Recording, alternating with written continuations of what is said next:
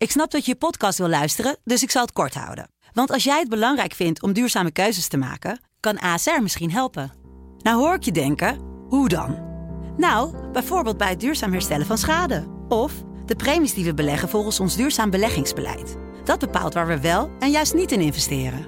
Wil je meer weten over welke duurzame keuzes ASR maakt? Ga dan naar asr.nl/slash duurzame keuzes. ASR doet het. Zo, dan kan je nu lekker naar je podcast luisteren. Ken je Eva? Eva is een vrouw die in het verleden niet de beste keuzes maakte als het op de mannen aankwam. Na de laatste teleurstellende relatie en het moeten opgeven van haar kinderwens besluit ze dat het helemaal anders moet. Een vaste relatie, daar is ze klaar mee. En dus is Eva aan het daten geslagen. Dit is het Dagboek van Eva, een podcast van Vrouw. Zaterdag. Wessel en Roy. Twee leuke mannen en ik heb gewoon sinds vorige week vrijdag een vrije keuze. Ik hoef maar te bellen en ze staan allebei klaar. Ja, los van elkaar dan. Ik heb ze niet op de hoogte gesteld van elkaars bestaan. Daarvoor zijn het net even iets te veel haantjes. Relatietechnisch zijn ze allebei niet sterk, maar dat een vrouw er twee mannen op houdt, trekken ze echt niet. Ik ga het ze niet vertellen. Ik geniet vooral even van deze luxe positie. Het is alleen wel goed opletten dat ik de juiste antwoorden in de juiste WhatsApp-conversatie geef. Maar als dat mijn grootste probleem is. Woensdag. Kijk, dit bedoel ik dus. Ik laat met een grote glimlach op mijn gezicht Ivo mijn telefoon zien, waar ik net een appje van Roy op binnengekregen heb. Ik verwacht je vanavond bij mij. 2200. Trek iets seksies aan. Oh, en vooral niet te veel. X R. Ivo leest het hardop voor en ik schop hem onder de tafel tegen zijn schenen. Wat mij betreft hoort niet het halve restaurant van mijn mogelijke planning voor de rest van de avond. Ik krijg een ondeugende blik toegeworpen. Wat ben je toch een stoute vrouw. Maar een beetje onderdanig ook wel hoor. Die man heeft je volledig in zijn macht, Eve. Ik weet het. Ik had me echt voorgenomen Roy voor goed achter me te laten. Maar het is gewoon te spannend met die vent waar ik het van een ander nooit zou accepteren dat hij mij zo op commando zou afroepen, vind ik het bij Roy juist super sexy. Ik weet nu al wat ik aan ga trekken. Ik heb een waanzinnig mooi jurkje in de kast hangen dat hij nog niet gezien heeft. Dan een kanten BH eronder, charretels en daar houd ik het bij. Hij wil dat ik niet te veel aantrek. Prima, ik laat mijn slip thuis. Ik zie op mijn scherm dat het al best laat is en dat het nog flink haasten wordt om 2200 te halen. Ik wil Ivo ook niet het gevoel geven dat hij nu snel aan de kant wordt geschoven voor Roy. Ik had immers met hem afgesproken een hapje te gaan eten en we hebben het dessert nog niet eens gehad. Half elf ben ik bij je, XE, stuur ik hem daarom terug. Kun je je er iets bij voorstellen? vraag ik Ivo dan. Hij knikt driftig. Ja, absoluut. Ik zou er niet aan moeten denken altijd die rol aan te moeten nemen, maar zo nu en dan het heft volledig uit handen geven, dat heeft wel wat, ja. Ik vind het wel geil. Uit mijn ooghoek zie ik mijn telefoon weer oplichten. Dat is vast Roy, die laat weten dat de tijd die ik doorgaf oké is. Als ik mijn telefoon erbij pak, zie ik dat het Wessel is. Shit, het is Wessel, die vraagt of ik thuis ben vanavond. Stuur hem maar naar mij hoor, grapt Ivo. Of je nodigt beide mannen bij jou thuis uit. Wat dat betreft hebben Ivo en ik allebei een iets wat bedorven geest. Ik heb er ook al over gefantaseerd. Hoe het met die twee mannen samen zou zijn. Maar deze match is een slechte. Het trio dat ik vorig jaar had, had een andere insteek. Deze mannen kennen elkaar niet eens. En daar is Roy veel te dominant voor. Nee, ik schuif Wessel wel door naar morgen. Laten we nu maar het toetje bestellen. Ik wil iets met veel calorieën, want ik denk dat ik er aardig wat ga verbranden de komende dagen. Donderdag. Wat vind jij nou echt heel lekker? Ik lig naast Wessel in bed en zijn vraag overvalt me een beetje. Wat bedoelt hij? Op eetgebied? Nog voor ik hem om opheldering kan vragen, verduidelijkt hij zijn vraag. Qua seks, bedoel ik. Ik val even stil en denk aan gisteravond. Aan Roy, die eerst een geweldige goede fles wijn opentrok en voor de vorm een gezellig gesprekje met me aanging.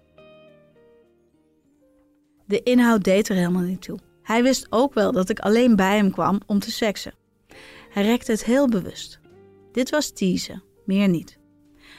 Het verhoogde de spanning tot het bijna niet meer te doen was. Pas na een half uur liet hij zijn hand over mijn been onder mijn jurkje glijden. De blik in zijn ogen toen hij merkte dat ik geen slipje aan had, was precies waar ik het om deed. Het dak ging eraf. Ik kan Wessel nu zeggen dat ik dat dus heel lekker vind, maar daar zit hij vast niet op te wachten. Wat we net deden, komt aardig in de buurt hoor. Woensdag. Ik wil niet te veel doorvragen bij Helen, maar ik merk dat ze niet heel lekker in haar vel zit. Ze is een beetje kortaf als we het over de kinderen en Boris hebben, en aan haar ogen zie ik dat ze snel geëmotioneerd is. Ze heeft aardig wat meegemaakt de laatste tijd. Ze heeft onder meer haar moeder en een pasgeboren kindje verloren. Het lijkt wel alsof haar relatie met Boris de klappen niet kan opvangen. Ik zou het zo erg voor haar vinden. Als ze mij vraagt naar mijn liefdesleven, ben ik even geneigd om er maar niet al te veel over te zeggen. Ik praat nu liever over koetjes en kalfjes met haar. Over de laatste mode of een goede serie bijvoorbeeld. Maar dan formuleert ze haar vraag wat specifieker. Ik heb juist behoefte aan een van je opwindende hysterische singleverhalen, Eve. Ik kan er altijd zo van genieten, vooral omdat het zo'n ver van mijn bedshow is. Ik schiet in de lach als ze het zegt. Ze doet net alsof ik een volledig losgeslagen leven leid. Het liefst vertel ik haar over Roy, maar ik weet niet of dat goed bij haar gaat vallen. Ik had natuurlijk bezworen dat ik die man voor altijd zou laten wat het was. Wat zit je nou te aarzelen? Is er iets dat ik niet mag weten? Ben je serieus met iemand aan het daten? Einde single Eva? Nee, toch zeker? Ze brengt het heel overdreven en weer moet ik lachen. Ach, wat maakt het ook uit dat ze van Roy weet? Helen veroordeelt me nooit. Nou, ik heb het momenteel vrij druk met twee mannen. En één naam zal je bekend voorkomen. Ze gaat op het puntje van haar stoel zitten en ze maand me te wachten de naam te noemen. Toch niet Roy, hè? zegt ze dan. Ik knik en niet veel later hangt ze aan mijn lippen als ik de details van onze wilde nachten vertel. Zoveel moeite heeft ze er blijkbaar niet mee. Donderdag. Ik krijg een sms'je binnen van een onbekend nummer. Als ik de inhoud lees, slaat de schrik me om het hart. Een anonieme ex-partner waarschuwt mij voor een SOA. Het bericht bevat een code die ik online moet invullen. Mijn hoofd draait overuren. Een SOA? Ik doe het altijd veilig. Dit kan natuurlijk van iedereen zijn. De mannen met wie ik het bed deel zijn nou niet bepaald de allermonogaamste op aarde. Die hebben bij het ontdekken van hun kwaal natuurlijk een halve telefoonlijst doorgegeven aan de GGD. Maar dat neemt niet weg dat ik dit hartstikke serieus moet nemen, uiteraard. Je kunt het nu zo veilig doen, er kan altijd iets misgaan. Het stelt me wel gerust dat ik nog helemaal niks gemerkt heb, maar tegelijkertijd voel ik er nu niks voor om af te spreken met Wessel of Roy. En omdat ik geen zin heb om ze op voorhand iets uit te leggen, zal ik een smoes moeten verzinnen. Ik fake wel een fikse verkoudheid of een buikgriep of zo. Ik moet het wel met iemand delen, even mijn hart luchten. Ik bel Ivo, die vrij nuchter reageert. Ach meid, de SOA-poli. Nou, als ze daar een stempelkaart zouden hebben, dan had ik hem al drie keer vol gehad. Opgelucht haal ik adem. Ivo's nuchtere blik geeft me dan geen enkele garantie, maar ik voel me toch iets minder gegeneerd over het hele gebeuren van een paar minuten geleden. Ik ga morgenochtend meteen bellen voor een afspraak. Ik moet dit zo snel mogelijk mijn hoofd uit hebben. Het zal een rustig weekend worden. Lekker bijslapen dan maar. Dat is ook wel eens lekker. Woensdag. Ik kon gelukkig afgelopen vrijdag meteen al terecht bij de SOA-poli. Als seksueel behoorlijk actieve single zou ik er misschien eens wat vaker op de koffie moeten gaan. Want dit was de eerste keer in mijn leven dat ik er binnenkwam. Ik moet zeggen dat ik best een beetje ongemakkelijk was. De verpleegkundige keek me wat streng aan toen ze hoorde hoe mijn leven eruit zag en dat ik er maar vanuit ging dat er niets aan de hand was. Ik werd er flink onzeker door. Wat nou als ik van alles onder de leden had? Was ik dan echt zo slecht bezig?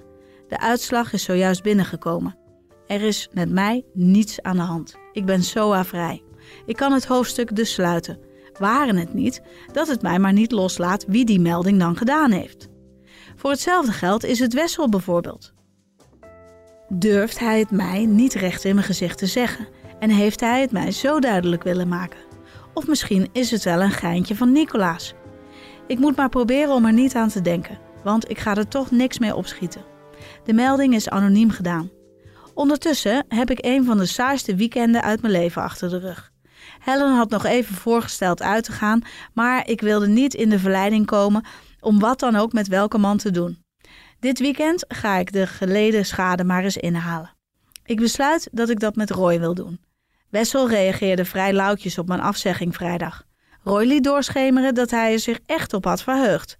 Dat enthousiasme moet je belonen, nietwaar? Ben je druk dit weekend? heb ik hem. Ik zie dat hij het berichtje leest en meteen weer offline gaat. Een antwoord blijft uit. Wat is dat nou weer? Ik haal me direct duizend en één dingen in mijn hoofd om mezelf vervolgens bestraffend toe te spreken. Hij kan in een vergadering zitten of in de auto. Het gevoel dat ik nu heb is dus precies waarom ik er zo'n hekel aan heb om me te veel aan iemand te hechten. Ik verwacht dus weer iets van hem. Ik verwacht dat hij direct reageert en voor me klaarstaat. Ik stop mijn telefoon in mijn tas en besluit er de komende uren even niet op te kijken. Ik heb nog stapels werk liggen en dat kan mijn aandacht nu een stuk beter gebruiken. Vrijdag. Pak je tas in voor een overnachting. Ik zie je over 10 minuten beneden bij mijn auto. XR. Er is geen man die mij ooit zulke berichtjes heeft gestuurd. Hij gaat er maar vanuit dat dit kan. Maar ja, het kan, want ik vlieg weer voor hem. Ik had net mijn hele huis een beetje op orde gemaakt en de kaarsjes aangestoken, want hij zou zo bij mij zijn vanavond. Nu gooit Roy de plannen dus radicaal om. Ik ben blij dat ik me op culinair gebied niet heb uitgesloofd. Ik was van plan de Thai te bellen, als we aan eten toen waren gekomen. Snel gooi ik wat spulletjes in mijn tas en blaas de kaarsjes uit. Ik heb morgen gelukkig niets op de planning staan en verheug me op de komende 24 uur. Wat zal hij nou weer van plan zijn? Zal hij iets bijzonders geboekt hebben? Gaan we gewoon uit eten? Of wil hij dat ik vannacht bij hem slaap? Vlak voordat ik de deur uitloop, haal ik nog even een borstel door mijn haar en spuit een luchtje op dat ik destijds van hem gekregen heb. Wat ben ik toch blij dat ik niet met een golden retriever en een man in joggingbroek op de bank zit iedere avond. Doe mij dit spannende leven maar. Maandag. Het is bizar hoe we de draad van maanden geleden weer hebben opgepakt, Roy en ik. Dat hij een kind gaat krijgen met een ander en een totaal onbekende vrouw is in ons samen zijn geen issue. En dat vind ik heel fijn. Ik wil het daar echt niet meer over hebben, namelijk. We weten zo sterk van elkaar dat het vooral seksueel is, wat we hebben, dat we ons vooral daarop focussen. Ons uitje afgelopen weekend ook weer. Hij had het weer zo goed geregeld. Het hotel dat hij geboekt had was fantastisch. Prachtig ingericht en we zijn er niet vanaf geweest. Roy bestelde roomservice en we hebben op bed gegeten. We hebben natuurlijk allebei een eigen appartement waar we het net zo goed hadden kunnen doen. Maar dit maakt het toch net even iets spannender allemaal. We konden volledig in elkaar opgaan. En dat hebben we, beneveld door een paar goede flessen wijn, ook optimaal gedaan. Toen we de volgende ochtend uitcheckten, voelde ik me wel even ongemakkelijk naar de receptioniste toe. Ik wist zeker dat ze zo haar ideeën over ons samen zijn had. Ze dacht vast dat ik zijn minnares was. Of misschien wel dat Roy me betaalde voor seks. Ach, ik zou haar toch nooit meer zien waarschijnlijk.